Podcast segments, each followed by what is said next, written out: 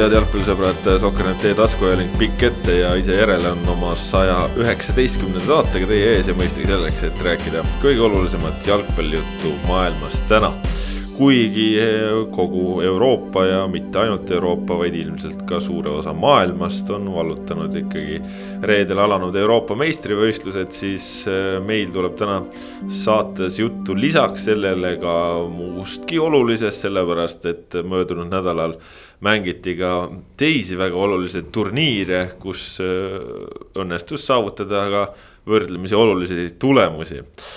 Minu nimi Kaspar Elisser, täna siin minuga Ott Järvele tere hommikust, võin ma öelda, üks harukordseid podcast'e, kus me saame öelda hommik, eh, tere hommikust, on ju. jah, kuigi inimesed, kes seda kuulavad, nende jaoks siis lõpuks ta kindlasti ei ole hommik. ja Kristjan Jaak Kangur ka. tere, tere. sinu jaoks on juba. Eh, noh, kella vaadates on nagu päev käib juba ammu, eks ole, aga meie, meie jaoks on see hommik noh, eks saame näha, mis ajaks me selle saate üles saame, aga loodetavasti võimalikult ruttu, sellepärast et praegu on selline elurütm, kus jalgpalli on väga palju vaja vaadata. alati saab kuulata järgmisel hommikul, et oleks nagu kuidagi selgem tunne. kusjuures ma tean, et seda teevad väga paljud meie kuulajad, sellepärast et me tihtipeale jäämegi õhtu peale ja siis nii, et tõesti, tere hommikust teile. Eesti võitis Balti turniiri, see lause on nüüd siin öeldud eelneva kaheksakümne kolme aasta jooksul seda siin ei ole öeldud, Sokkernet pole muidugi ka nii vana. Äh, kas järgmised kaheksakümmend kolm aastat äh, peame veel ootama, et seda saaks öelda, ma ei tea, igatahes see lause on öeldud, Eesti võitis Balti turniiri. ja kuigi siin EM-i on nüüd nii palju olnud, et tundub, et kus see Balti turniir veel üldse oli, siis tuletan meelde. Eesti võitis selle karika neljapäeva õhtul A Le Coq Arena'l, kui alistati Mattias Käidi väravate toel kaks-üks Läti. noh, tuli lõpuks ära. jah, et sina saad võib-olla rääkida siin veel ise, aga kui veel kaheksakümmend kolm läheb, siis meie Otiga oleme ammu mulla all ilmselt selleks ajaks. ei no vast ikka ei lähe nii kaua nüüd. mina kavatsen kosmosesse lennutada ennast nii jah mitte, mitte väga kauges tulevikus, ma loodan ei, jah, ei, head plaanid, head plaanid, sa tead ka, palju see maksab üldse? ei. aga ei, keegi siin ost-, ma just lugesin uudist, keegi siin ostis endale võimaluse, ma ei mäleta kellega, Bezosega koos või kellegagi kosmosesse lennata kõigest kahekümne kolme miljoni dollari eest või midagi siukest mm. -hmm aga ei noh, jah, hakkad praegu vaikselt kõrvale panema, siis mingil hetkel ei, saab. ma mõtlen seda, et noh, et, et mis iganes see urn või mis iganes on, et selle asemel, et seda kuskil maha matta, et lennutada see kosmosesse noh. ei, see jah, see on, see on soodsam kindlasti jah. see on soodsam jah. ja, ja seda kindlasti keegi on kindlasti mingisuguse suure püssi juba välja mõelnud selleks ajaks, millega sind orbiidile saata. no just ei vot näed, hea, kui on inimesel on tulevikuplaanid ühesõnaga jah äh,, ei tore oli mitte sellepärast, et me võitsime nagu, see oli ka tore, aga väga vahva on ikka näha, kui meestel nagu silmad säravad ja noh, karikat saab tõsta, kes jõudis tõsta, selles mõttes. seda tonn kaaluvat asja, aga, aga, aga tore oli no ja, ja selles mõttes oli tore, et, et tore oli vaadata Eesti koondist ilusti, ilusti mängimas esimesel poolel. esimesel poolel. ja, ja siis kõigile, kõigile meid kuulavatele tuhandetele Tottenham Hotspuri fännidele siis tõepoolest selgituseks, et see raske asi, mida Maksim Baskoši käes hoidis, et selle asja nimi on siis on ju karikas. et see antakse võistkonnale pärast seda, kui ta võidab mõne võistluse et see kontseptsioon on tot, tot, see kontseptsioon on Tottenhami fännidele üpriski tundmatu. aga, aga jah, niimoodi tegelikult. Nad on, nad on seda küll nagu lähedalt näinud ka viimasel ajal õige mitu korda lihtsalt, kuidas teised seda teevad, aga et noh no, tasub nagu ikkagi meelde tuletada. ja, ja, ja et selles mõttes, et noh, me, me peame ikkagi mõtlema kõikidele kuulajate peale ja, ja neid aitama, kui nad noh, on ja. segaduses jah, tervitused siis võib-olla personaalsemalt ka doktor Švedele ja, ja perekond Põllule mm. -hmm jah, no Eestis kuuldavasti jah, mõned Tottenhami fännid on. mul on üks sõber ka, tal jah. jah, no ei no kõik. saada temale ka siis. ma tean näiteks nagu mitmeid inimesi, et, et noh, muidu on neil nagu elus hästi läinud, aga mitte selle asjaga. jah, jah, eks, eks, aga no eks. ei no elu, elu tasakaalustab jah ja., et aga ei. mis no, me ise siin õiendame, me oleme lapsena Inglismaale pöialt hoidnud no.. jah, just ei no üks-null võit tuli, sellest ja. me räägime, aga see, mismoodi Eesti koondis mängis esimesel poolel, see võttis tegelikult kokku minu meelest väga hästi selle muutuse, mis on Toomas Häberli käe all toimunud. julgelt, enesekindlalt, kusjuures mehed on ju samad, suuresti ju samad tegelikult, kes mängisid, ega siis ei ole. küpsemad nüüd... lihtsalt no, küpsemad jah ka, aga noh, ütleme, ma ei tea, võib-olla Baskotši kohta sa saad räägid, rääkida nagu seda, et ta nüüd on küpsem, noh kooslus toimib, selles on küsimus no, ja, ja emotsioon on teine väljakul, need mehed naudivad jalgpalli mängimist, nad, nad tahavad seda teha, väravat lüüa, asetus, kõik see on selline noh, tehniki nagu suur vennasrahvas ütleb, et, et see, see kõik toetab seda, aga, aga ennekõike see. usaldavad ja usuvad seda süsteemi. täpselt. ja, ja, ja, ja kuidagi on nagu näha, et, et see treener ka usaldab ja usub neid ja ja mulle tundub, vot see on nüüd asi, mida me kõrvalt nagu ei näe, mida me nüüd oleme saanud nende kolme mänguga, sest märtsikuised mängud sellest aimu ei andnud. kuna treenerid istusid kodus ja, ja mängisid üldse teised mängijad, et äh, see, see, see usaldus ja see, et Toomas Häberli tundub olevat väga hea motiveerija. see paistab nagu väga selgelt, ta annab seda edasi kogu oma olekuga nüüd ta on saanud ka noh, pressikonverentsidel nagu ajakirjanikena oleme saanud. ta vist nagu läbinisti positiivse ellusuhtumise tüüp lihtsalt. täpselt, positiivne, samas mitte nagu selline võlts positiivne, vaid ta ongi, ta on siiras. ta on vahetu, talle ka lihtsalt väga meeldiv jalgpall. et noh, natukene meelevaldne võrdlus võib-olla, aga noh, selles mõttes nagu natukene selline Jürgen Kloppi lähenemine, et, et noh, ta. ta on lihtne parimas mõttes ise, mulle tundub ja see kuidagi tõmbab nagu mängijat kaasa ja samas, eks ole, erakordselt professionaalne, seda on aru saada. aga see näiteks, et noh, kui, mis väga paljudele silma jäi, et tõesti sellest nagu sellest noh, see hümni laulmise teema on tõesti pseudoteema, ma olen selles suhtes Otiga nõus. aga antud juhul tasub seda mainida, et kui šveitslasest peatreener, kes siin A Le Coqil seisab esimest korda, laulab hümni kaasa, see ei ole asi, mida sa pead tegema see ja, ja samas see mulle tundub, et see ei ole ka nagu poos, vaid see tulebki temast, et kui ma siin olen ja ma tahan olla osa sellest võistkonnast, siis see, see kohustus tuleb nii-öelda enda seest. see, mismoodi ta tähistas väravat, noh, see, see ei ole väga eestlaslik, aga tegelikult see tõmbab eestlased ka samamoodi kaasa, meil on nagu ju tihti see, et algul ei saa vedama, pärast ei saa pidama, et kui sa üle selle lävepaku aitad ja mulle tundub, et seesama on toimunud ka väljakul see nagu näitab, kui palju jalgpallis on peas kinni. et ega need mehed ei ole nüüd poole aastaga omandanud mingisuguseid maagilisi oskusi. noh, täpselt seesama see ründajate enesekindlus, kui sa lööd koduliigas väravaid kogu aeg, siis sa lööd neid ka koondises lõpuks. sul tulevad asjad välja.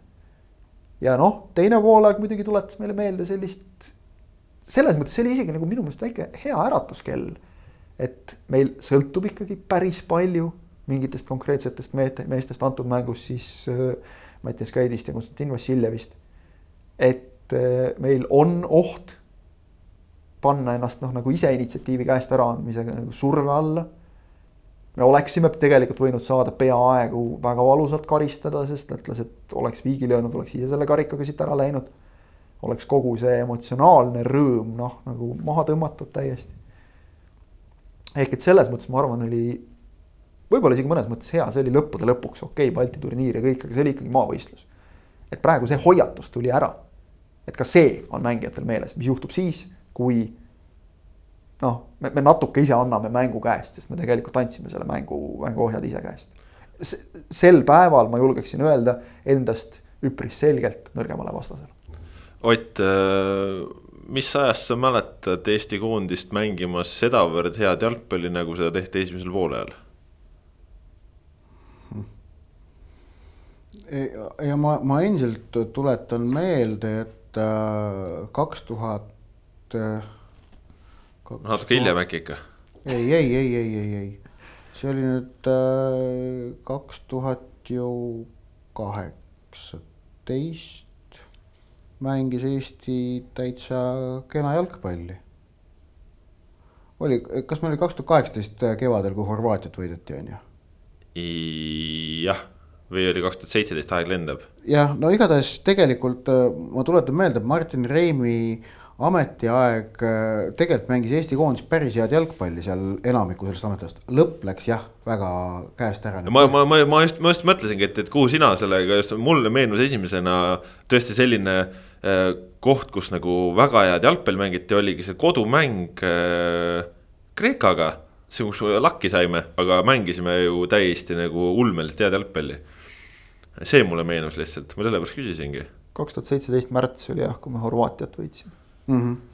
ja, ja kaks tuhat seitseteist märts jah, ja sellele järgnes see aasta, kui oli seal need mängud äh, äh, Küprosega, kui Küprost võideti kodus, kui mängiti kodus, okei okay,, Bosniale kaotati kodus üks-kaks, aga mängiti väga head jalgpalli Bosnia vastu, ma mäletan seda mängu.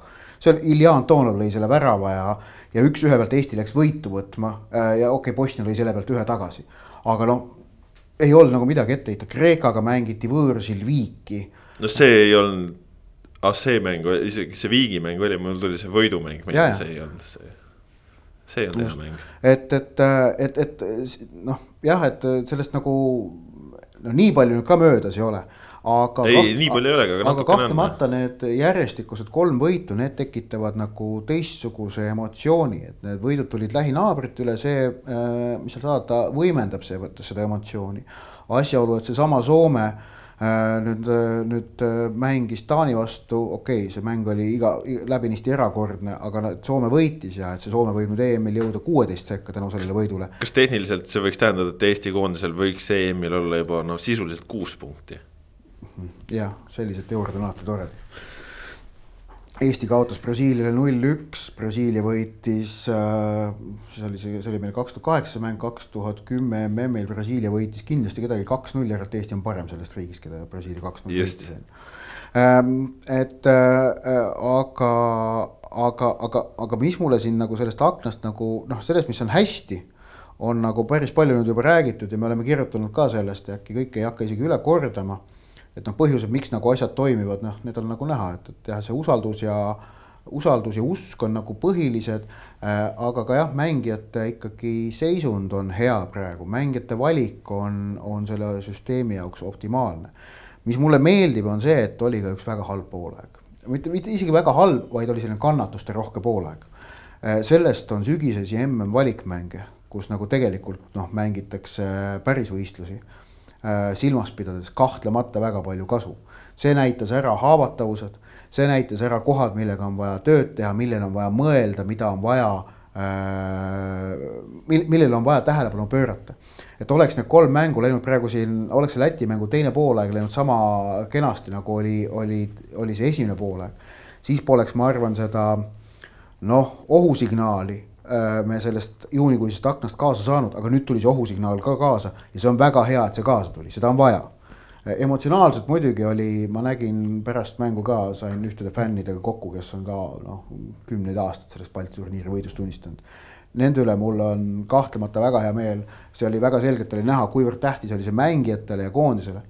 Äh, et, et ja see, aga see, see väärtus on nüüd ikkagi eelkõige on ta emotsionaalne ja, ja selle Balti turniiriga nüüd suures plaanis on see, et, et et, et, et see võit oli tähtis põhjusel, et äh, see, kuidas öelda, see, see, see lahter on nüüd äh, selle ristikesega täidetud ja seda ei saa enam nagu keegi kuskil äh, nina peale heita ja see ei kripelda enam. ehk et selline üks, nagu kuidas öelda, mingi selline noh, häiriv faktor on nüüd elimineeritud. Ähm, nüüd Balti turniirist suures plaanis tervikuna ja tulevikus rääkides, ma ei ole endiselt kindel, kas see tegelikult on mõistlik A-koondist siduda iga kahe aasta tagant äh, sellise võistlusega.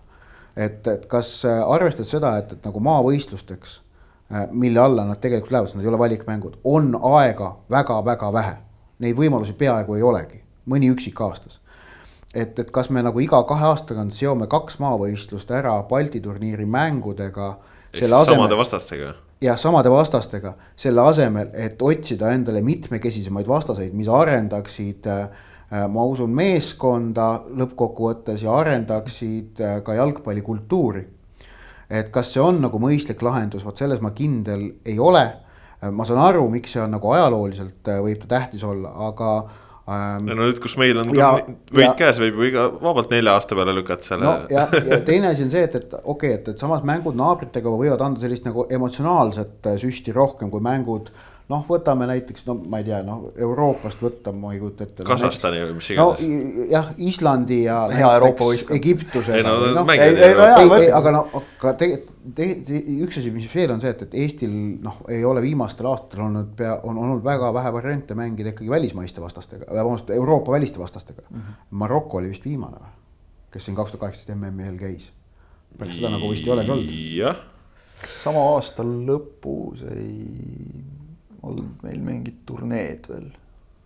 võis olla, aga, aga noh, ühesõnaga okay,, et, et, et, et, et tegelikult minu, minu meelest see, mida, mis nagu Eesti jalgpallikoondist on tegelikult see, et on mängitud laiade ringi vastastega, see tegelikult on Eesti jalgpallile, ma arvan, tulnud kasuks, Eesti jalgpallikultuurile kasuks ja mängijatele ka. tõsi, mängud naabritega annavad nagu muid asju jällegi, ei saa öelda, et sellel ka mingeid oma plusspooli ei oleks. Äh, aga jah, et kus see tasakaal on ja ma endiselt Äh, tulen ka veel selle juurde, et mis nagu, et, et, et, äh, et, et tuletan meelde, et A-koondiste Balti turniiri puhul on koheselt on, on selle oht, et see nagu ei, et see ei toimu, on ju siis, kui koheselt, kui üks kolmest jõuab finaalturniirile siis on üpriski nagu minu meelest isegi vist paika lepitud vaikimis, et siis ta nagu kas jääb ära või noh, lükata sul seda ju kuskil ei ole. Äh, et, et see, see asi on üleval ähm,. no ma ei tea, on see ikka väga nagu no, teemaks no millalgi ei, ei, no, tõenäosus, tõenäosusteooria ütleb ka, millalgi võib see juhtuda. et, et. no nagu Eesti võitis ju Balti turniiri. jah, ja ma endiselt ütlen, et, et, et üks variant oleks teha sellest Balti turniirist mingil hetkel U kakskümmend üks vanuseklassi turniir, et Balti karikat mängivad välja U kakskümmend üks koondised. kelle, kelle puhul, kelle, kellel on lihtsam seda võistluskalendris kohta leida kelle puhul on lihtsam saada kokku kõige parem koosseis, praegu jah, Eestil tõsi see õnnestus, meie vastastel, ma saan aru, pigem mitte, eriti Lätil tegelikult olid päris mitu meest puudu. ei, väga palju ikkagi öelda ei saa, et no, seal oleks nagu... paari, paari meest, nagu peatreener et... Pressikal mainis, aga minu meelest see oli ka nagu natukene selline, et, et noh. Okay. see oli siin mäng, mäng, mängudega kaasa tulnud vigastused, koosseisudes nad alguses ikkagi olid. ja teine asi, ja teine asi, mis ma veel näen nagu, mis nagu oleks kasulik selles U kakskümmend üks mõttes, mis mul ei ole üldse nagu uus, ma olen seda vist rääkinud juba mõned aastad et äh, annaks nendele U kakskümmend üks meestele ikkagi sellise äh,. vaat annaks neile ka sellised noh äh, tohutu vastutustunde. et tegelikult U kakskümmend üks valikmängus minu meelest no eriti väikesel jalgpalliriigil, no sul ei kaasne mingit sellist tohutut avalikku vastutust. see on selline, ta ei ole ikkagi selline, ütleme, esimese kategooria sündmus aga kui sa mängid Balti karika peale, eh, siis see oleks. ehk et, et oleks natuke, teha nagu Balti karikaga umbes sama asja, mida on tehtud olümpiaturniiriga. et, et sellele on antud nagu teistsugune tähendus äh, läbi vanuseklassi jah, no iseenesest ju U kakskümmend üks mängib ka Balti turniiri. no ja, ja, aga noh, see on noorte no. Balti turniir, aga kui, kui nagu pandaks paika, et me Baltimaade meistri selgitamegi U kakskümmend üks võistkondadega, siis ta oleks nagu natuke teistmoodi äkki siis teemegi juba olümpia ettevalmistuse ja ongi iga nelja aasta tagant ja U kakskümmend kolm. ja noh, see. ei, U kakskümmend üks pluss siis kolm kogenumat mängijat. aga noh, noh, ma ennustan, et, e-, et Eesti Jalgpalliliidul ei ole soovi Balti turniiri formaadist sellisel kujul loobuda. Äh, ma, ma pakun, et aga, aga jah, et noh, ta on kalendris, tegelikult kui sa koondise kalendrit vaatad kahe aasta jooksul koondisel on tegelikult ju kümme mängu kahe aasta jooksul. no selles mõttes jah, et, et arvestades, et äh, tekkis meile rahvuste liiga, mille arvelt on maavõistlusi tavalisi selliseid vähem, on ju, eks ta selle arvelt on nüüd jah, nagu. no oleme ausad no,, aasta lõikes maavõistlusi on ikka ülivähe. koondisel on, koondisel on ühes aastas kümme mängu. kaks mängu märtsis, kaks juunis, kaks septembris, kaks oktoobris, kaks novembris. see on no. normaalne aasta. okei okay,, koroona ajal meil on olnud teistsugused asjad. viis akent, igas ühes kaks mängu kahe aasta jooksul järelikult kakskümmend mängu ja sellest kümme protsenti me paneme Balti turniirile, kusjuures ülejäänud üheksakümnest protsendist maavõistluste jaoks kas üks või kaks mängu jääb, kui sedagi, ei pruugi ühtegi jääda. see ju sõltub ka veidi, millisesse gruppi me satume just, ja just. palju seal meeskondi on. vot see, see selles mõttes nüüd võib-olla nagu natukene isegi aitab, et äh, isegi kui nüüd jätkatakse Balti turniiriga, eks ole ja, ja mängitakse neid ikkagi Läti-Leeduga, neid, neid maavõistlusi, siis see, et, et nüüd ei ole nagu nii tohutut seda, et, et kurat, millal te selle ükskord ära võidate lõpuks ometi. et, et see võib-olla annab näiteks ka treenerile noh, nagu natuke rohkem võimalust seal teha mingit oma asja, mitte mängida, noh, võidu peale mängitakse niikuinii. aga mitte minna nüüd nii meeleheitlikult nagu suruma, eks ole no Toomas Häberli käe all no, tundub, et seda ei juhtu, tema. Häberli väga, käekiri just täpselt. väga on... konkreetselt võtnud, et iga mäng on vaja võita ja mulle väga see suhtumine meeldib. koosseis koosseisuks isegi, aga sa saad võib-olla natuke rohkem mingeid noh oma asju nagu seal proovida või teha, et ikkagi see. see õudne pinge on nüüd maas, et põhimõtteliselt siin tavaliselt on nii, et umbes märtsis alustatakse ja noh, novembris lõpetatakse nagu selle jauramisega, et. millal see Balti turniir nüüd siis ära tuleb ükskord ja et see, et jälle ei tulnud. Ja noh, siis aastavahetusel, kui mingeid auhindu antakse, siis saab ka veel nuriseda, et no näed, et okei okay,, midagi tegite, aga Balti turniiri ikka te ei võitnud. sest noh, oleme ausad, meil noh, praegune seis on selline, et, et noh, sellest me oleme ka palju rääkinud, et praegu on mm valiksari, eks ole, mis meil tuleb, et noh, sealt nagu kuskile edasi jõuda on sisuliselt võimatu, et noh, mingigi rõõm nagu, eks ole jah, aga mida me ei ole veel täna teinud, ei ole kiitnud neid mängijaid, kes oma nimed ajalukku kirjutasid Mattias Keidi see esimene poolaeg, no täiesti fenomenaalne, seal on äh, vähe sõnu, millega, vähe positiivseid sõnu, millega ei saaks seda esitust äh, kirjeldada, et see oli ikkagi. Äh, no ikka väga hea, väga hea, väga äge oli seda vaadata ja, ja teine vend ka, keda nagu jubedalt tahaks kiita, Joonas Tamm, noh. Kui sa puhkuselt saad sellise Joonas Tamme, siis noh, palun puhka kogu aeg noh et äh, see oli võimas noh. Tamm oli läbi kolme mängu läbivalt väga hea. ja, ja tüüp tuligi reaalselt puhkuse pealt, et äh, täitsa sürreaalne noh, täitsa sürreaalne. uus leping nüüd taskus ja, ja saab nagu, eks ole, niimoodi pingevabalt mängida, selles mõttes ka hea, aga ei noh, talle ilmselgelt see kolmene liin ka sobib nagu, et, et ta, ta tunneb ennast seal mõnusalt, me teame, et noh. keskkaitse kohta tema palliga tegutsemine on, on pigem nagu isegi ma ütleks väga hea. noh, tegelikult kogu see liin iseenesest, kui me võtame nagu seda põhiliini, see dendropark nagu meil eelmise saate järel selgeks. aitäh kuulajatele, jah. just, suur tänu teile. see on väga hea ja. termin, ma, ma nagu täitsa tahaks seda, ma vist kasutasin ühes loos ka seda. ja ei, see on juba et, läinud, mulle tundub käibesse täiesti, et, et isegi nagu noh, ka fännide seas, et see on, on hea et, et tõesti, kui nagu vaadata neid kolme seal.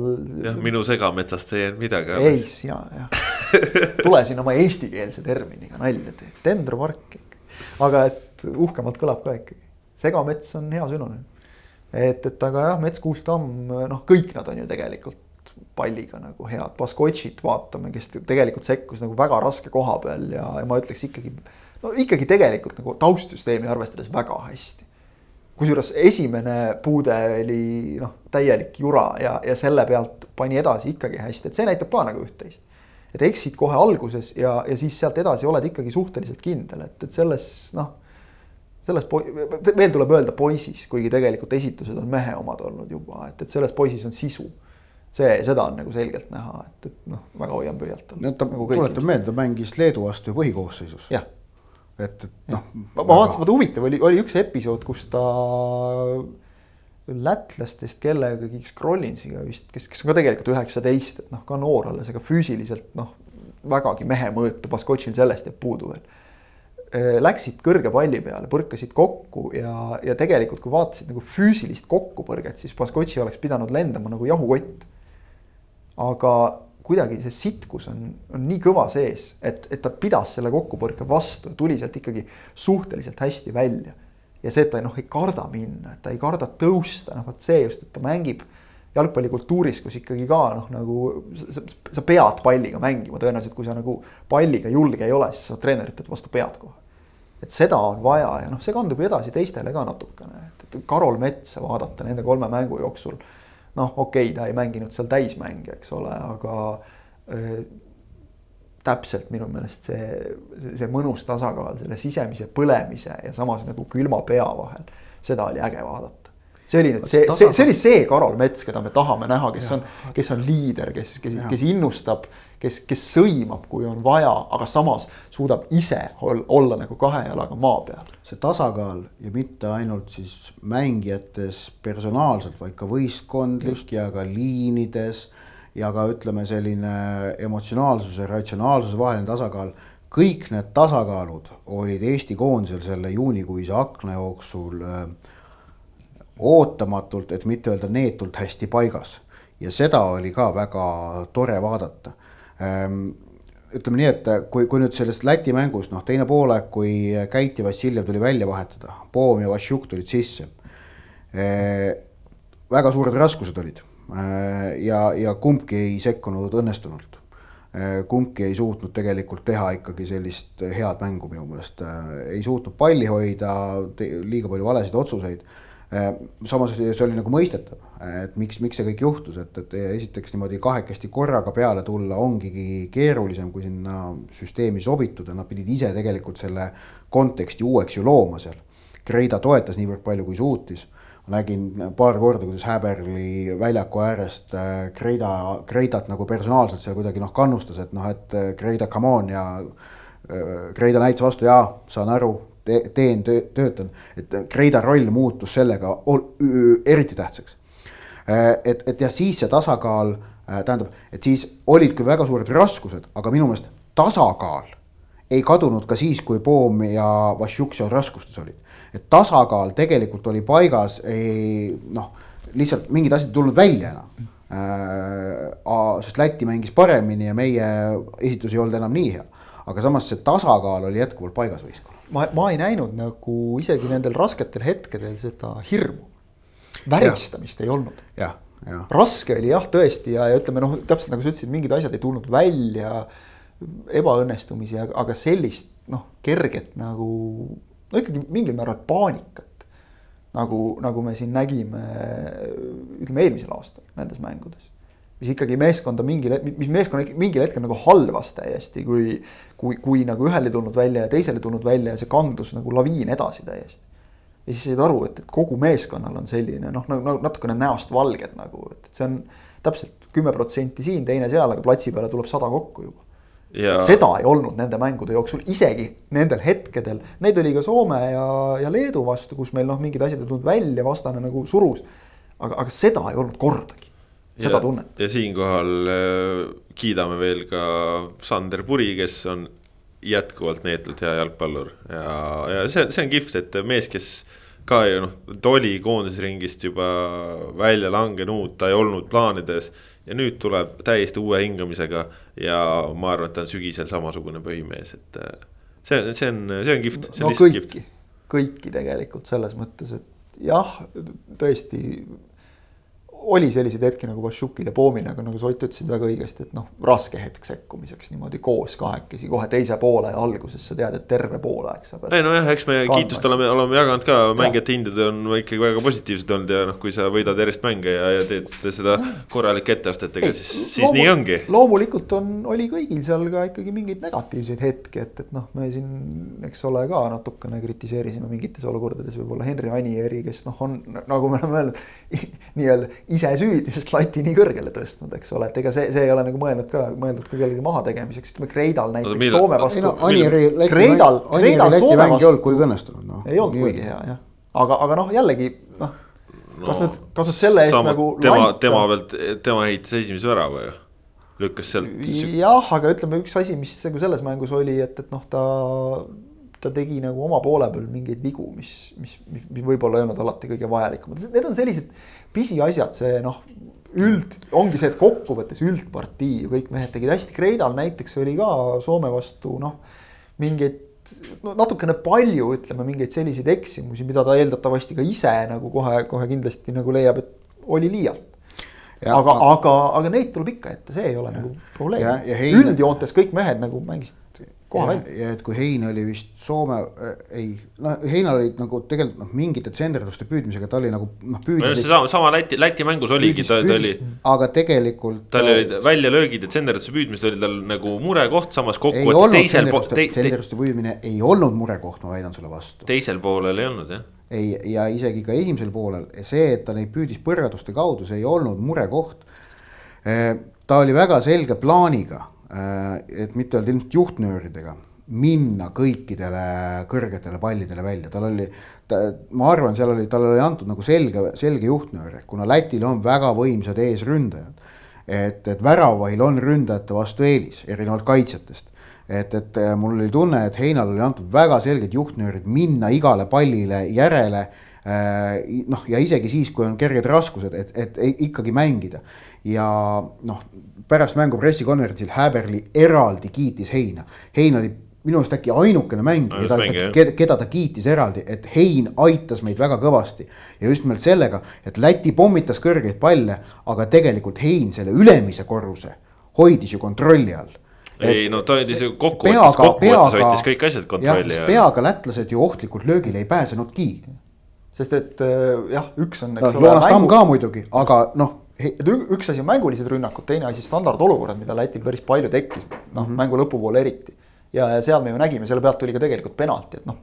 Poom versus Matšis Oš ei ole nagu kuskilt otsast võrdne võitlus. enne seda juba jäi. eksis, et jäi selle taha lihtsalt. eksiski, aga, aga enne seda oli noh, Baskotši sellesama Läti kolliga hädas, et noh, see on mm. nii selge kaaluvahe lihtsalt. selle tõttu oligi väga oluline ja, et Hein noh, aitas kaitsjaid aga nüüd, et kui meil on äh, Leedu, Soome, Läti on alistatud, siis tuletan meelde, et sügisel ootavad jah ikkagi kõvemad kondiproovid et valikmängudes on äh, jah, üks kodumäng Valgevenega, mis nagu võiks olla veidikene hõlpsam, aga ülejäänud kolm vastast on praegu EM-finaalturniiril osalevad satsid. Äh, Belgia, kes, kes alustas kolm-null võiduga, Wales on ilmselt võib, tähendab, Wales võib olla sats, kes küll on ju pärast EM-i muutub, mine tea, mida Bale teeb. aga samas tegelikult selle satsi tuumik on ju ikkagi pigem nooremapoolne. Eh, ehk et noh, Wales on vaata, et äkki isegi kergelt tõusuteel sats. Tšehhist ei oska arvata, on ju, mis nad, mis nad pärast EM-i on, aga et sügisel on meil vastas kolm satsi praeguselt EM-finaalturniirilt, pluss Valgevene, pluss maavõistlustes on ju Põhja-Iirimaa ja kas teine oli mingi maavõistlus veel paika pandud või ei olnud, ma ei mäleta. praegu ei ole minu meelest. vist ei olnud. ametlikus kalendris ei ole. jah, et, et. et no ütleme, vaata, siin on hea näide just see, kui me räägime maavõistlustest, et enne Walesi mängu, kolm päeva enne seda Põhja-Iirimaa no ikkagi suhteliselt nagu. kodumäng. sarnast tüüpi. kodumäng ka veel enne seda, kui sa võõrsile sõidad, eks ole, et see on nagu hea näide sellest, et selliseid maavõistlusi on nagu hädasti vaja. jah, vot nii palju Eesti koondisest, Eesti koondis siis võitis neljandat korda ajaloos Balti turniiri. esimest korda taasiseseisvunud Eesti ajaloos siis ja, ja, ja nelja järjestikuse võidu saamiseks ehk siis ajaloo tegemiseks ei ole vaja mitte midagi enamat kui alistada maailma number üks jalgpalliriik, vähemalt paberi peal Belgia no,. see ju, köömes. jah, Lillekülas tehtud küll, et. just, ühesõnaga selline. Edena Saard äkki mäletab veel, istus pingil, vaatas. noh jah, tema on seal istunud viimasel ajal üldse igal pool väga palju. see selleks, äh, läheme edasi siis EM-finaalturniiri juurde, mis äh, algas reedel äh, Itaalia, no ikkagi ütleks jõudemonstratsiooniga Türgi vastu. ja mis siis saate lindistamise hetkeks on viimase akordina näinud Hollandit maha mängimas kaks-null eduseisu ja siis dramaatiliselt kolm-kaks võitmas. no see eilne mäng, selleni jõuame ka, aga, aga need esimesed äh, kolm turniiripäeva. Äh, Ott, on see EM alanud, ma ei tea, kas siis emotsionaalse poole pealt või sellise emotsiooni tekitajana selliselt nagu sa eeldasid või, või mitte? Esiteks see, et see suurturniiri emotsioon see tuli koheselt sisse, kui see. Bocelli laulma hakkas jah? Türgi, Türgi-Itaalia mängu avavilja kõlas, tegelikult ei, isegi natuke varem. Bocelli mind ei tõmmanud käima, mind tõmbas käima see U2 laul, see Bono ja, ja The Edge'i ja Martin Garrixi oma. ehk et ma tean, Kristjan, sulle see laul ei meeldi, minule see laul meeldib. ja mulle, minul. ma ei ütle, et mulle ei meeldi, minu jaoks ta jääb lihtsalt nagu selliseks noh. okei okay no mul, mul, mulle, mulle see pigem meeldib. kes, kes ei näinud, siis äh, Kristjan äh, Jaak Kangur võttis äh, käe ja. ma näitasin horisontaalset joont. just. jah, et, et see nagu äh, tõmbas mind selle, kuidas öelda, selle, selle vedru pani sisse, et nüüd läheb EM lahti ja läkski. ja noh, selles mõttes see, emotsioon tekkis nagu koheselt ja sellega nagu mingit probleemi ei olnud ja noh, nii see asi käibki tegelikult, sest et noh, ega need eelnevad maavõistlused väga ei tõmba käima et, et äh, pigem tõmbas käima see kõik, äh, tõmbab teistpidi käima see, et kõik need tööasjad, mis nagu või tegevused, mis on e suur finaalturniiriga seotud, mis on noh, selline kerge stressiaeg, et, et. et kui võistlused peale hakkavad, siis on, siis on see, ütleme meie töös on see stress noh, oluliselt positiivsem kui see, mis eelneb finaalturniirile on ju, et siis on nagu natukene teistsugune aeg et, et see emotsioon nagu on täpselt tavapärane ja kõik, kogu see koroona, et vähem publikut on ausalt öelda see nagu seda emotsiooni pole üldse mõjutanud ähm, see jätkuv vaimustus sellest, et päevas on kolm mängu ja tahe, et mõni päev võiks neljas ka olla. nagu MM-idel on neli ja tuletan meelde, järgmisel aastal Katari MM-il on peaaegu kogu aeg neli mängu päevas, jalgpallisõbrad, pange ennast valmis selleks äh, et. Kahe, kaheksa tundi jalgpalli igas päevas, täiskohaga töö. normaalne, et, ähm, et, et, et see, see nagu ei sega ega midagi ja, ja päevakava selle järgi paika panna, see on kõik väga okei. Okay aga noh, tegelikult eh, mis seal salata, et oleme ausad, pärast seda, mis juhtus Kristjan Eriksoniga, siis see on kogu sellele turniirile nüüd eh, vajutanud peale selle oma templi, et, et see Eriksoniga juhtunud õnnetus on paratamatult nüüd sündmus, mille läbi seda turniiri, ma arvan, et jäädaksegi mäletama. sest vaevalt suudavad väljakul toimuvad sportlikud sündmused minna samavõrd sügavalt hinge see jah, nagu kuidagi liitis kogu maailma jalgpallirahva üheks tervikuks. ja, ja, ja, ja, ja see mõjutas kõiki neid inimesi, kes ka juhtusid seda asja vaatama, kes ei ole võib-olla tulihingelised jalgpallifännid.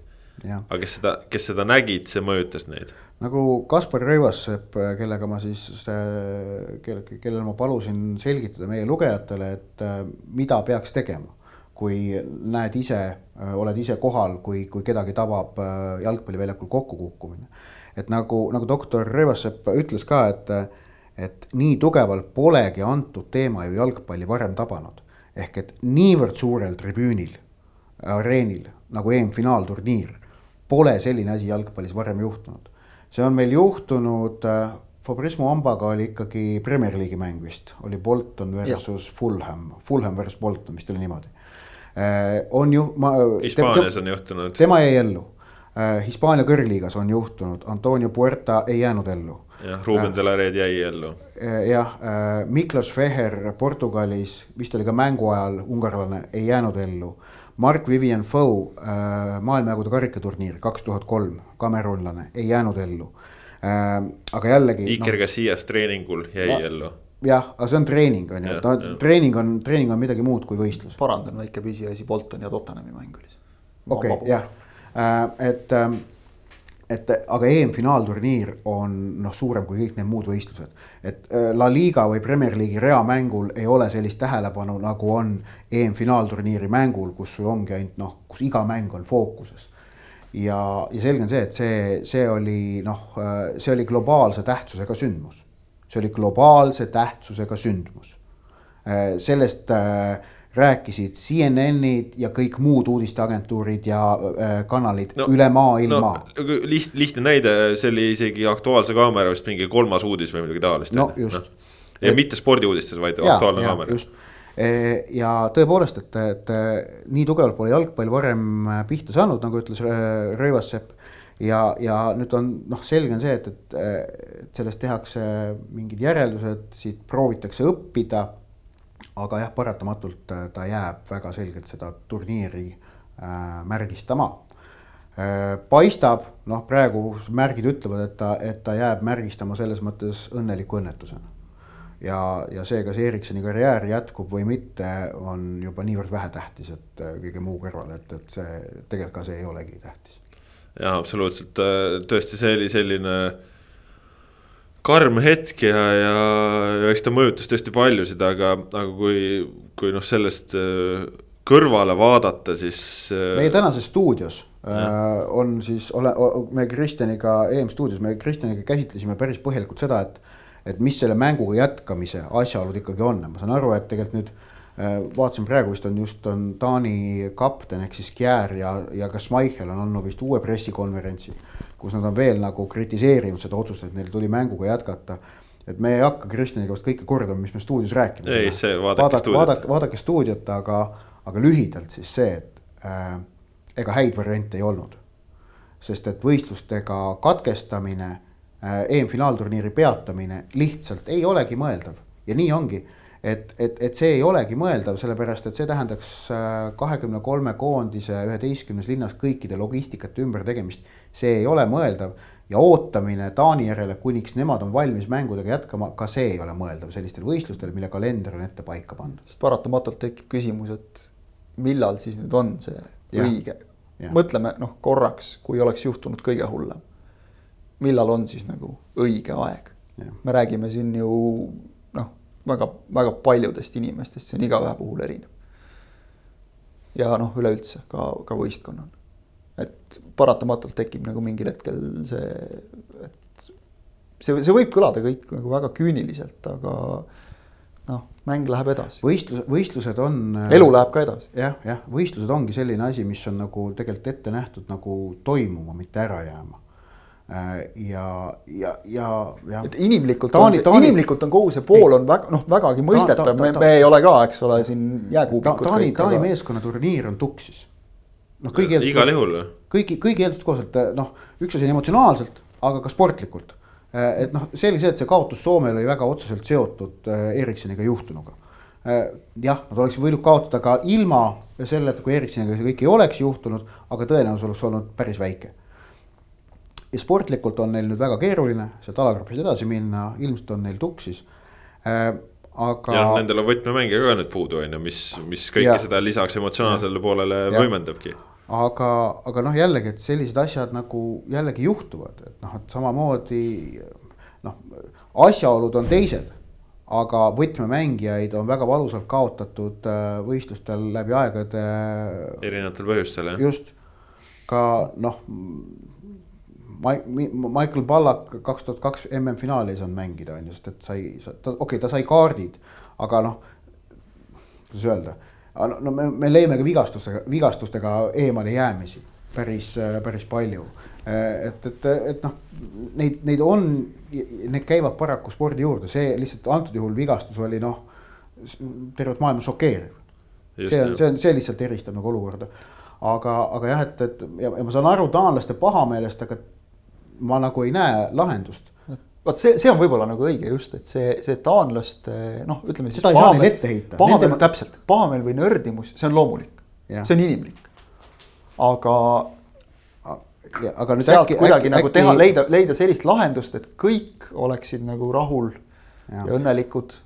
no samas jällegi, jällegi nagu teist, teistpidi võib-olla see, et et, et see mäng jätkus, aitas ikkagi natukene kogu seda psühholoogilist ja, ja vaimset šokiga nagu mingi nurga alt väiksemaks tõmmata, et see negatiivne sündmus ei jäänud äh, nii suurelt domineerima. ja tolle päeva finišiks ei jäänud, ja et... seda küll, aga üks asi veel, mis ma arvan, mis nüüd, mida see, see juhtum nüüd ikkagi edaspidi teeb, et, et see, et mänguga jätkati. Et Taanile anti kaks varianti, kas jätkata samal päeval või järgmisel, järgmisel päeval. et see ei olnud mingi improvisatsioon UEFA poolt see on reeglites kirjas, see on võistluste juhendis kirjas. aga nüüd me natuke ikkagi räägime juba seda ülemist. no jah, aga, aga, aga... et, et, et ma arvan, et edaspidi ollakse äh, säärastest äh, punktidest teadlikumad oluliselt. kindlasti. ja noh, paraku, paraku on ka see asi, et, et, et kõike õpitakse läbi valuliste juhtumite. täpselt nii nagu Ericssoniga juhtunu ja tõesti, nagu sa ütlesid, noh, praeguste märkide järgi õnnelik õnnetus kindlasti aitab kaasa sportlaste tervise jälgimisele. sellele, et, et äh, kui noh, annaks jumal, et selliseid asju ei juhtu liiga palju, aga et kui juhtub, ollakse veel paremini valmis. Ja noh, tegelikult kokku võib võtta kogu selle olukorra selle Taani koondise arsti sõnadega, et me saime Kristjani tagasi. see on kõige tähtsam selle juures just, aga jätamegi jah, siin selle teema nüüd kõrvale, et kes tahab, tõesti võib stuudiost seda, seda teemat äh, pikemalt jälgida ja uurida. aga see jalgpall ise, mida me näinud oleme, Kristjan. Äh, on ta olnud selles mõttes äh, selline, nagu sa ootasid? suhteliselt jah, suhteliselt. Sest ma mõtlesin, ma mõtlesin enne turniiri just, et nagu, et kas, kas jätkub see, mida me oleme nagu tegelikult päris palju klubihooajal näinud, et äh, noh, tegelikult terve hooaja lõikes, eriti veel nüüd äh, siin klubihooaja alguses, sügisel, pärast koroonapausi, et äh, noh, keskeltläbi nagu löödi, pigem löödi rohkem väravaid ja mängud olid kuidagi nagu natuke lahtisemad ja ütleme siis eksimuste rohkemad ka kaitsjate poolt, et noh, nüüd, kus on, eks ole, siin mõnel mehel on vaata, et kaks nagu pikka hooaega selja taga ja, ja, ja, ja tõesti nagu mänge olnud palju ja, ja, ja noh, koormust palju, et et kas see lööb kuidagi välja, et seda ei ole nagu nii palju olnud, aga minu meelest nagu üleüldine jalgpalli suundumus on, on ikkagi nagu pigem selle poole, et et mängida julgelt. et nagu noh, ikkagi sellist, lähme seda null-nulli hoidma, selliseid mänge on nagu ikkagi vähe, et müts maha, müts maha Põhja-Makedoonia ees, kes noh. mõnus hoiak, väga mõnus hoiak. jube mõnus hoiak oli ja kusjuures Goran Pandev ütles pärast mängu pressikonverentsi, et ega me järgmistes mängudes me lähme samamoodi, me läheme mängima. mida meil on kaotada? ja vot see suhtumine, et mida meil kaotada on. okei okay,, Soome sai, eks ole, oma selle võidu kätte siin ühe pealelöögiga raami. Ega seal nagu ei, ka ei jäänud asi. ühe pealelöögiga. ühe pealelöögiga mis juhtumisi läks raami, aga ja, siis just et noh, ühe pealelöögiga said selle kätte, vaadake seda Soome, kui, kui leiate Twitterist üles või, või kuskilt Äh, vist legaalselt ei saa nagu soovitada, sest seda ei ole kuskil olemas, aga osavad on, kes osavad on, need leiab. Äh, Soome rünnak äh, otsatribüünilt filmituna ülevalt kõrgelt ehk väga hästi on näha palli liikumine, üheteistkümnest mehest kümme puutus palli. Kui hästi tegelikult liigutati, okei okay,, seal on ka mingit taanlaste eksimusi sees kuidas Teemu Pukki näeb ära, et talle tuleb neli kaitsjat korraga eri suundadest peale, leiab vaba mehe, kes tsenderdab ja Pohjan Palo lööb ära et noh, jällegi see, et tegelikult suhteliselt kiiresti pall toodi üle, et ega soomlastel nagu selle taha ei jäänud, et nad nüüd ei oleks julgenud mängida või et. et istume siin ja ootame ja äkki siis kontra pealt või kuskilt lööme ühe ära. noh, Taani oli nagu klassiga parem, lihtsalt taanlastel oli ka tõesti ropult ebaõnn, et penaltid sisse ei löödud, et noh, mängust ei löödud väravat ja nii edasi. Aga, aga üldiselt nagu kõik meeskonnad on tulnud mängima ikkagi sellele turniirile, et noh, võib-olla ütleme näiteks Wales mulle isiklikult nagu valmistas kõige rohkem pettumuse sellega, et et nemad ikkagi üsna selgelt nagu noh, istusid kaitses. aga samas ka ikkagi, ikkagi jälle no kui nad sealt nagu kaitsest nagu välja tulid pärast kaotusseisu jäämist, siis, siis neil ka noh, nagu õnnestus, ütleme nii, et kaitses istumine iseenesest loomulikult ei ole mitte midagi halba vot võib-olla nüüd see, et ikkagi väga paljud meeskonnad kasutavad seda kolmemehelist keskkaitseliini või viiemehelist liini, et, et siis see on päris, päris. äärekaitsjad ilusas eesti see on päris uskumatu, et kui paljud mängivad taga kolme keskkaitsega. seda wing algusega sõna me püüame mitte kasutada. Et, et äärekaitsjate tõusmine, noh, kõik see, et, et see, see, need üleminekud kaitsest rünnakule, see, see on ikkagi tänapäeva jalgpalli selline noh, ülioluline osa. et ikkagi saadakse nagu aru, et, et see tegelikult see taktika ju liiga palju ei toida, et, et me istume, hoiame ära ja äkki kuskilt tuleb kes see viitsib seda mängida, Eesti koondisega oli natukene sama häda ju ka, eks ole, et kui sa võtad nagu mängijatelt selle mängu rõõmu ära, siis ei tule nagu üldse midagi, siis ei tule sellest kaitses mängimisest ka tihtipeale midagi välja. aga selles mõttes noh, Põhja-Makedoonia äge mäng.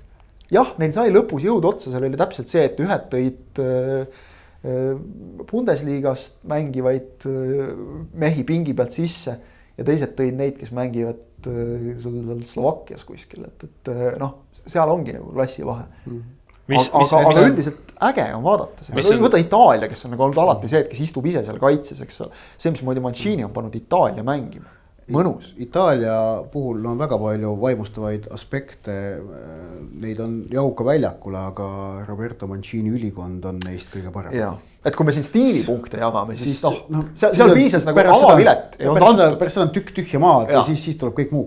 see avavilet ei olnud antud, kui juba nagu vaatasid, et nii, et noh stiilipunktid siit EM-ilt Mancini võtab ära.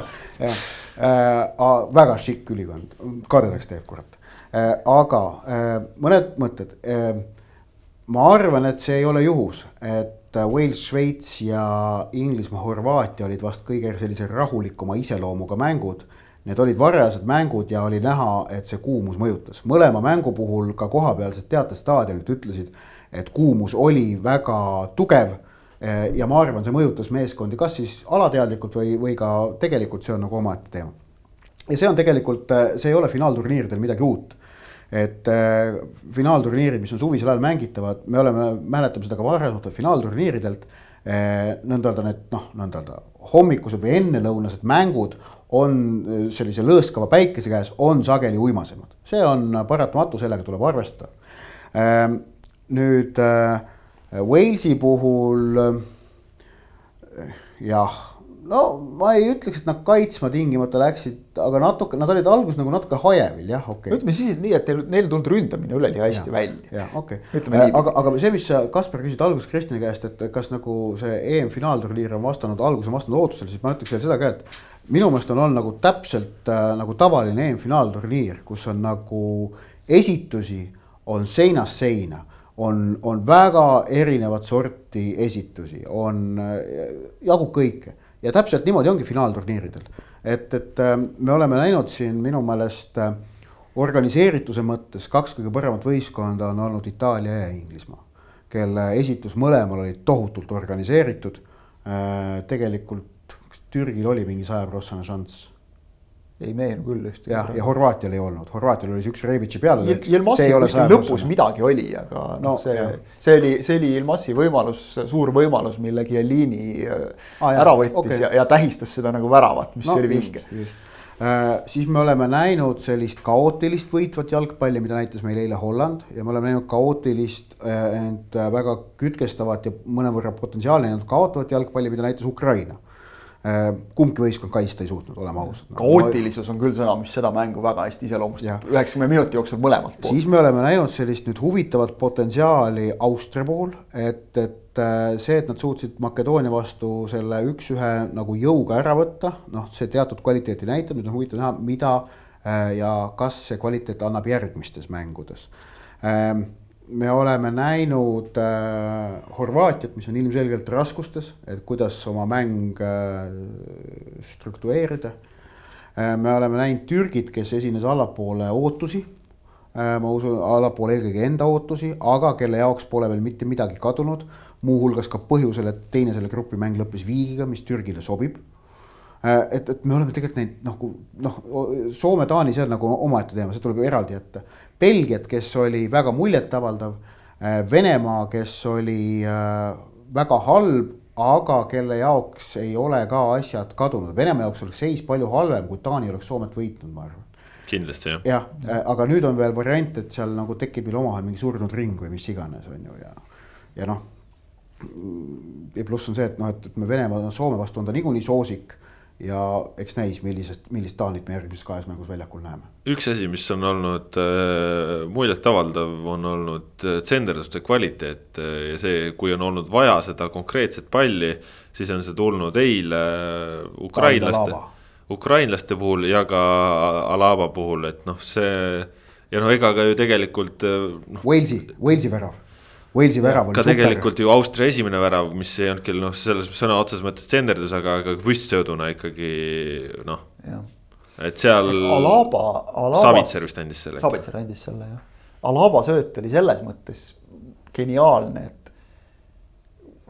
oled nagu harjunud, et hea tsenderduskasti lendab sellise ilusa kõrge kaarega ründaja pea peale ja siis ründaja lööb ära sealt mm. -hmm Alaba sööt oli väravavahile, ma kujutan ette, maksimaalselt vastik pall. see oli võimatu pall peaaegu. täiesti võimatu pall mm. -hmm. sa lähed selle peale, ta tuleb veel mingi põrkega või langeb mm -hmm. täpselt täpselt sinna kohta, kus sul on kõige raskem. vahest ei olegi midagi teha e, e ega see Walesi, Walesi värav, mille Kiefer Moore sisse lõi, ega selle puhul ka no,, mida sa teed seal kaitsja või väravahina, noh, see oli noh, niivõrd perfektselt mängitud. täpselt sellele mängijatüübile sobib. seal oleks saanud ilmselt natuke paremini kaitsta nurgalöögi lahti mängu no,. seda oleks saanud ja, teha, aga tsenderdus kui selline oli ja, super. jah, ja siis mul on nüüd tekkinud eraldi soov ka, et ma tahaks, et äh, pandaks kokku selline noh, võistkond mis mängiks neli-neli-kaks taktikat, mille ründepaariks oleksid Kiefer Moore ja Wout Weghorst. vot need kaks meest, äh, mis selle ründepaari keskmine pikkus oleks seal noh, suts alla kahe meetri. Need kahekesti mängisidki ees kahe ja, ja mängitaks kurat pikka palli. Ja et no ühelt poolt annaks Alaba ja teiselt poolt annaks Jarmolenko, ei, nad on mõlemad vasakjalgsed, kurat ei saa, aga noh ühesõnaga. Alaba annab igalt poolt, kust vaja on. ühesõnaga, et sellised vennad annaksid senderdusi ja Weghorst ja Moore oleksid kahekesti ees. ja ma tahaks näha, kuidas seda asja, seda satsi kaitsma hakatakse taga võib muidugi kõik nagu täiesti kaoses olla, aga see, et no need kaks venda on kastis ja paned neid pikki palle sinna ette, see oleks nii, nii tore vaadata. igatahes jah, selles mõttes see on äh, olnud küll kihvt, noh, see äh, Jarmolenko värav. noh, ütleme nii, et no, tuletas meelde vana hea Tarmo Kingini. jah kas, no ütleme otse välja jah, ka natuke sellega, et äh, harva juhtub aga kui välja tuleb, siis on kuradi ilus. ei no ta, ma arvan, viskaks sulle praegu oma Ungari statistika seal. ja, ja, ja, ei ma tean, ma tean, ma tean, ei peabki viskama, väga õige. Ma natukene ka praegu teen liiga Tarmo Kingile, et seal tuli ikka tegelikult ikka päris, päris tihti tuli päris hästi välja, oleme ausad eriti kui pall vasaku peale jäi, siis, siis küll. ei noh, koondise no, väravat arvu muidugi mäletame. mul tuli kohe meelde see, et noh, Jarmo Olenkal on olnud noh, leebelt öeldes ebaõnnestunud hooaeg nagu klubi tasandil, et aga, aga vot, ega ei olegi tähtis. kui ikka on see õige Ukraina kaart on vormi peal, siis, siis, siis saab löödud küll Äh, no Inglismaa puhul me rääkisime Reede stuudios juba, et, et ega nad turniiri ei võida ja ma arvan, me oleme endiselt selle arvamuse juures. jaa aga..., see on tore, et sa ennast jälle nagu niimoodi mitme inimesena. ei, sa ju ütlesid mulle, et äh, ei. sa nõustud sellega, et nad turniiri ei võida. sellega, Selle sellega ma tõesti nõustusin no,. just, see oligi peamine tees. aga no, noh, ütleme Itaalia, Inglismaa on praegu selgelt seni, seni nähtutes võistkondades kaks kõige paremat olnud väga selgelt. üheksakümne minuti lõikes kindlasti. samas äh,. Belgiat ma niivõrd kõrgelt ei hindaks selle esituse põhjal ausalt öelda. seda küll, aga samas me noh, peame ka. kõige tugevam vastane neist oli Inglismaal. jah, kes on olnud küll ka halvas vormis, aga ei, selles mõttes see Horvaatia puhul oli, mis mul jäi sealt silma, oligi, et nendel nagu ideed ja mõtted olid, aga ma ei saanud sellest aru, mis see Marcelo Brozovic, mis ta seal nii närviline seal keskel, tal on kaela peal just üks pomm ka Äh, tätoveeritud, no konkreetselt no ongi, no süütenööri vennal ei olnud, ta lihtsalt kogu aeg seal kaagutas seal omade vendadega. ma sellest ei saanud üldse aru, et on, miks sa nagu nii teed, et. selle asja nimi on tihtipeale ülehäälestamine.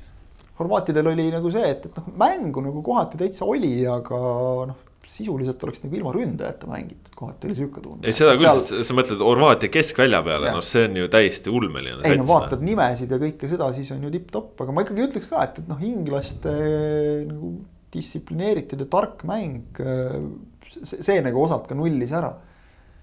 ja, ja noh, Inglismaa puhul muidugi väga, väga stiilselt tõusis esile, tervise siinkohal kõikidele Leedsi fännidele, keda Eestis on ka hämmastavalt palju. uskumatu. Äh, äh, äh, Calvin Phillips. supermäng. supermäng, mitte ainult, mitte ainult see, mida ta värava eeltööna tegi aga mis oli ka väga hea. mis oli, mis oli ka väga hea, aga noh, kogu mäng oli suurepärane. jaa, oli küll jah. ja, ja vot just see, vot ikkagi. Southgate'il ikka on mune, Southgate'il ikka on mune, et sa jätad Jack Grealishi välja, keda on terve Inglismaa nõuab seal põhikoosseisu, paned sinna Calvin Phillipsi, kes on noh. paned koos Declan Rice'i ja Calvin Phillipsi platsile. Kelle, kelle puhul kohe oli nagu esimene küsimus, aga kes Inglismaal mängu hakkab ehitama. said ehitatud küll, ei olnud hullu. tegelikult kokkuvõttes ka tasus ära või noh, raske nagu öelda, tasus ära, aga ütleme, et ei, ei rikkunud inglastel midagi ära, see kõige räägitum asi ehk Kieran Tripperi panek ääre, nii-öelda valele äärele, äärekaitsesse et, et noh, järelikult ikkagi Southgate teab, mida ta teeb ja inglased, inglased saavad esimest korda nüüd on nad EM-i alustanud võiduga. mis on neile kindlasti ülioluline enne seda noh, väga oodatavat reedeõhtust mängu Šotimaaga, mis, mis tuleb nagu väga vihane sihuke vennatapusõda. Ja... no mis vennatapusõda, ega Šotimaa ei ole ju mingi jalgpallivõistkond selles mõttes. no, no sellest... vaata seda selles mängus. oi, Šotimaa, ma arvan, täna Tšehhide vastu võib teha, teha küll. et Šotimaa mängib emotsiooni pealt, aga et samamoodi Sterlingu valik on ju õigustas ennast totaalselt samas ma nüüd arvan, et Southgate võtab väga selgelt nagu, kasutab oma koosseisu päris laialt. ehk Šotimaa vastu on oodata hoopis teistsugust mängu, kui oli Horvaatia vastu. Šotimaa vastu on tal Grealishit vaja, ma arvan, Grealish alustab. noh, tekitab loovust sinna. Horvaatia vastu oli vaja musklit, oli vaja jõudu ja võtta ära Horvaatialt tuju kehtestada ennast väljakul ja Rice ja Phillipsiga keskel ta seda tegi. kusjuures seesama asi. aga. Grealish tuleb Šotimaa vastu ja hakkab seal noh, kuidas öelda, keerutama ja suksutama neid noh. sama asi ju töötas ka keskkaitse valikul, sest noh, oli Harry Maguire'i puudumisel nagu võimalik mõelda, et kas panna Mings mm, -hmm. kes mhm. siin ei olnud turniiri eel nagu eriti veenev. ja, ja Mings tegi väga hea mängu just tänu sellele, et see mäng oli selline füüsiline. just ja, ja selle Southgate hammustas läbi ja noh, lõppkokkuvõttes ikkagi Inglismaa surus oma tahtmise peale, seetõttu Horvaatial asjad ei, ei jooksnud. aga jah, Horvaatia kahjuks jätkas seda halba rida, mis neil noh, on, on olnud. samas ma, jällegi. ma ausalt öeldes ei, ei usu neisse väga sellel turniiril no,. ma, ma just, ma mõtlesin, et see selle mängu pealt, mis ta oli ikkagi mingi, mingi piiri nii-öelda võrdne, kui kes seal võimaluste nagu lõpplahendustega oli Horvaatial raskus, aga see, et sa Inglismaale saad napi kaotuse, ma arvan. see on okei okay,, võidad kaks järgmist mängu, oled edasi ja sealt on juba tuju läheb jälle üles. tulemus tulemuseks, seal ikkagi noh, vot mingid jutud käivad nagu sellest mingisugusest sisemisest hõõrust. no see on see Brozovitš, kes seal närvab. võib-olla seesama see Brozovitši noh, tõmblemine on ka nagu natukene sellest tingitud, et seal on vist nagu mingi küll, see... noored, vanad, mingi sihuke asi ja see üldiselt nagu noh, turniiri jooksul sihuke asi, nüüd kui kaotus on all ka, see ei pruugi üldse hästi lõppeda. aga jällegi, jällegi täpselt see, et, et noh, nagu meil ei ole esimene ring läbi, aga selle esimese ringi järel ka mitte midagi veel öelda ei saa. ja noh, selles mõttes, et kui me mõtleme. Pole isegi kahte võitu vaja, võit ja viik võib ka täiesti. no mõtleme, kuidas Portugal tuli Euroopa meistriks, et alagrupist ei saanud midagi, on ju, ja, ja kõigil tundus, et mis asi see on ja no, lõpuks ja. olidki meistrid, nii et selles mõttes käib asi lihtsalt. ei, aga no kokkuvõttes on olnud äh, ikkagi kihvt turniiri algus ja, ja ma usun, et läheb väga kihvtilt ka edasi, et selles mõttes. see no. meie hirm, et kas nagu suurturniiri tunne tekib, et see oli küll loll jutt, täiesti alusetu. ja noh, kui sul ikkagi päevas kuus tundi ETV mängib, et äh, siis, äh, siis ta tekib. Selle, selle ja ennusta, ennustamised, värgid, et see, et sul ütleme, et kogu mingi sihuke sõprusringkond ja. ja, ja see on ka kuskil ennustustes taga, siis see ikkagi see huvi nende asjade ja, vastu on süvendatud üks asi veel, mida arust pole, ma pole kuskil näinud ja nüüd see on, nad, ma täitsa nagu hüppan ühe asjaga sisse, aga me kõik kolm oleme moel või teisel aeg-ajalt ka jalgpalli kommenteerinud, et. Tuleb mees, kes, mees, kes ei ole minu meelest kiita saanud oma väga hea töö eest Soome-Taani mängu ajal, on Alvar Tiisler. see, kuidas ta neid äh, väga raskeid hetki vahendas, see oli meistritöö.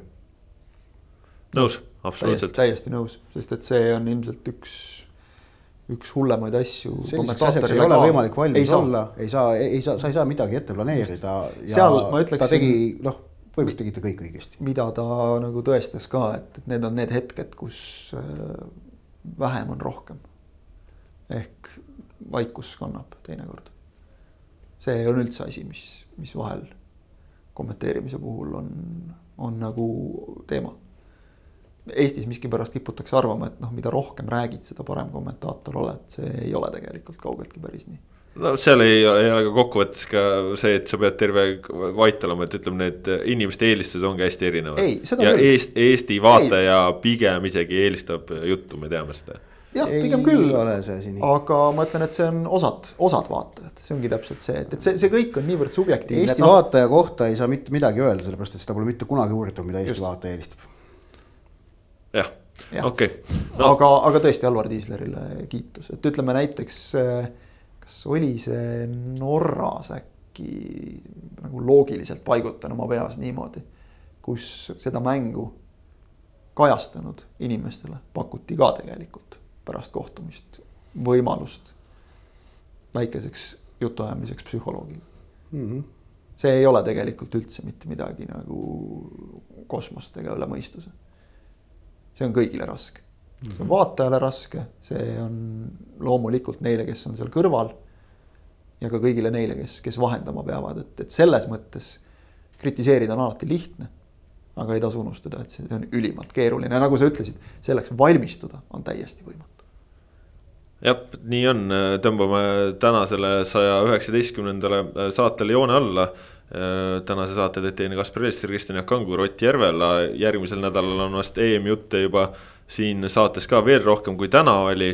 aga sõbrad, ma arvan, et äh, siia täiesti lõpetuseks me võime teha sellise äh, väikese lükke, et ma võtan oma telefonilt eetris olles vaikuse ja värina maha panen ta hääle peale ja äkki üksteist headest sõpradest saab mulle helistada ja, ja see no, võiks siis. no võidu nüüd või? mis seal on? Ott hakkas valima. võiks olla sobiv toon, et see saade lõpetada. ja tuleb te, tuleb ka teile eetrisse. nii. noh. nii ongi. võib-olla tuleb jah. jalgpall tuleb Ei, koju. jaa, okei okay., aa noh, see, see mõttes see on ikkagi väga otseselt Inglismaaga seotud. ta on väga otseselt see. ei, ongi, ongi, ongi Inglismaaga seotud ja Inglismaa, kes ma ütlesin, et. Äh, Kasper tahab lihtsalt viidata sellele, et äh, finaal mängitakse Wembley'l, muud midagi ei, lõbus, äh, kokkuvõttes on lõbus, kokkuvõttes on EM pakub folkloori ja Inglismaa endiselt ei tule Euroopa meistriks, aga vähemalt mina sain omale eilsest väga hea telefonihelina. järgmises saates me lepime kokku ka selle, mida teeb Kaspar Elisser siis, kui Inglismaa tuleb Euroopa meistriks. sellega on aega. aitäh, et olite, olge meiega jälle, püsige Sokkerneti lainel, ennustage, olge Erilehel, vaadake stuudiot, lugege kõike, mis me pakume. arutlege ja olge terved, adjöö